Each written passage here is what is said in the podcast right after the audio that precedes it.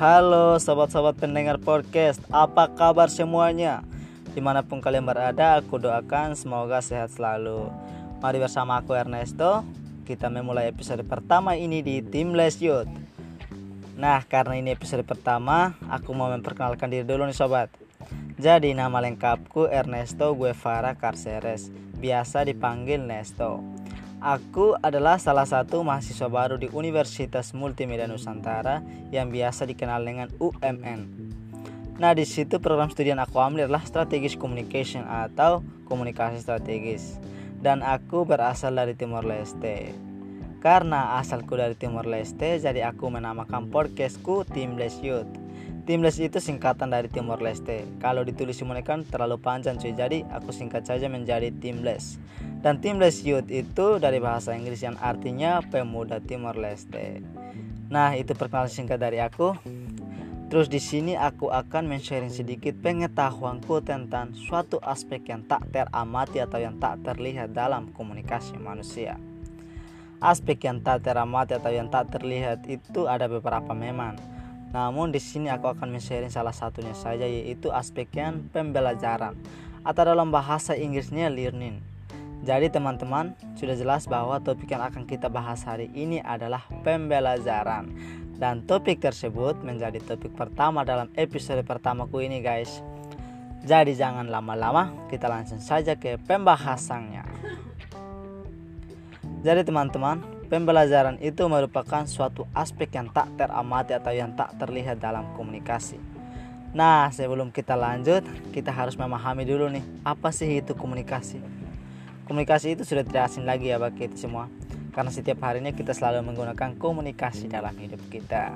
Jadi pengertian komunikasi adalah suatu aktivitas penyampaian informasi Baik itu pesan, ide, dan gagasan dari satu pihak ke pihak lainnya yang dilakukan secara langsung maupun tidak langsung. Lebih jelasnya begini dalam setiap komunikasi manusia, saling menyampaikan informasi yang dapat berupa pikiran, gagasan, maksud, perasaan, maupun emosi secara langsung maupun tidak langsung. Kegiatan komunikasi ini berlangsung dari hari ke hari, dari waktu ke waktu, selama manusia hidup dan selama melakukan aktivitasnya. Kalau kita mengamati ke sekitar kita, kita akan melihat bahwa komunikasi merupakan aktivitas yang paling penting dalam suatu kehidupan bermasyarakat. Bahkan dapat dipastikan bahwa di mana manusia hidup bersama-sama dengan orang lain, maka di sana selalu ada kegiatan komunikasi. Karena komunikasi merupakan kebutuhan hidup manusia. Jadi pasti kita bingung kan, apa sih kaitan pembelajaran dengan komunikasi manusia? Nah ini pengertiannya guys.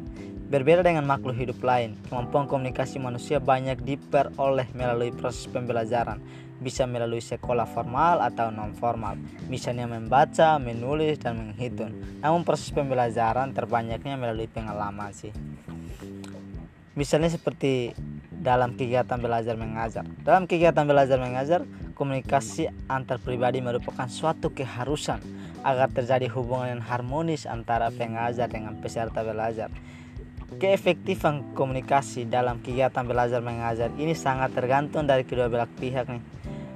Akan tetapi karena pengajar yang memegang kendali kelas, maka tanggung jawab terjadinya komunikasi dalam kelas yang sehat dan efektif terletak pada tangan pengajar. Keberhasilan pengajar dalam mengemban tanggung jawab tersebut dipengaruhi oleh keterampilan dalam melakukan komunikasi ini guys. Jadi terkait dengan proses pembelajaran komunikasi dikatakan efektif jika pesan yang dalam hal ini adalah materi pelajaran dapat diterima dan dipahami serta menimbulkan umpan balik yang positif.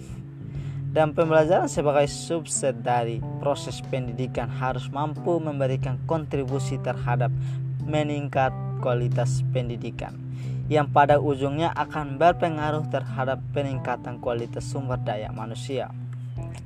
Dan agar pembelajaran dapat mendukung peningkatan mutu pendidikan, maka dalam proses pembelajaran harus terjadinya komunikasi yang efektif yang mampu memberikan kesamaan mendalam kepada peserta didik atas pesan atau materi belajar. Komunikasi efektif dalam pembelajaran merupakan proses transformasi pesan berupa ilmu pengetahuan dari pendidik kepada peserta didik, di mana peserta didik mampu memahami maksud pesan sesuai dengan tujuan yang telah ditentukan, sehingga membawa wawasan ilmu pengetahuan serta menimbulkan perubahan tingkah laku menjadi lebih baik. Jadi pengajar adalah pihak yang paling bertanggung jawab terhadap berlangsungnya komunikasi yang efektif dalam pembelajaran sehingga sebagai seorang pengajar dituntut memiliki kemampuan berkomunikasi yang baik agar menghasilkan proses pembelajaran yang efektif. Jadi bisa disimpulkan bahwa pentingnya memilih cara komunikasi dalam proses pembelajaran agar kegiatan tersebut mencapai tujuan secara efektif komunikasi yang efektif berkaitan dengan tingkat keberhasilan pembelajaran. Dan kemampuan untuk melakukan komunikasi yang efektif merupakan salah satu kompetensi yang harus dimiliki dan dikuasai oleh seorang pengajar maupun pelajar. Demikian pembahasannya. Terima kasih telah mendengarkan episode pertama Tim Youth yang berupa perjalanan awal bagiku di podcast. Jangan lupa follow Instagramku underscore Ernesto Guevara CRS.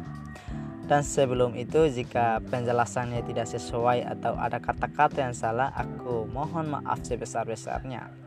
Sebagai manusia tidak jauh dari kesalahan dan adanya kesalahan kita bisa belajar untuk menjadi lebih baik lagi. Sekali lagi maaf sebesar-besarnya dan terima kasih banyak. Sampai jumpa. thank you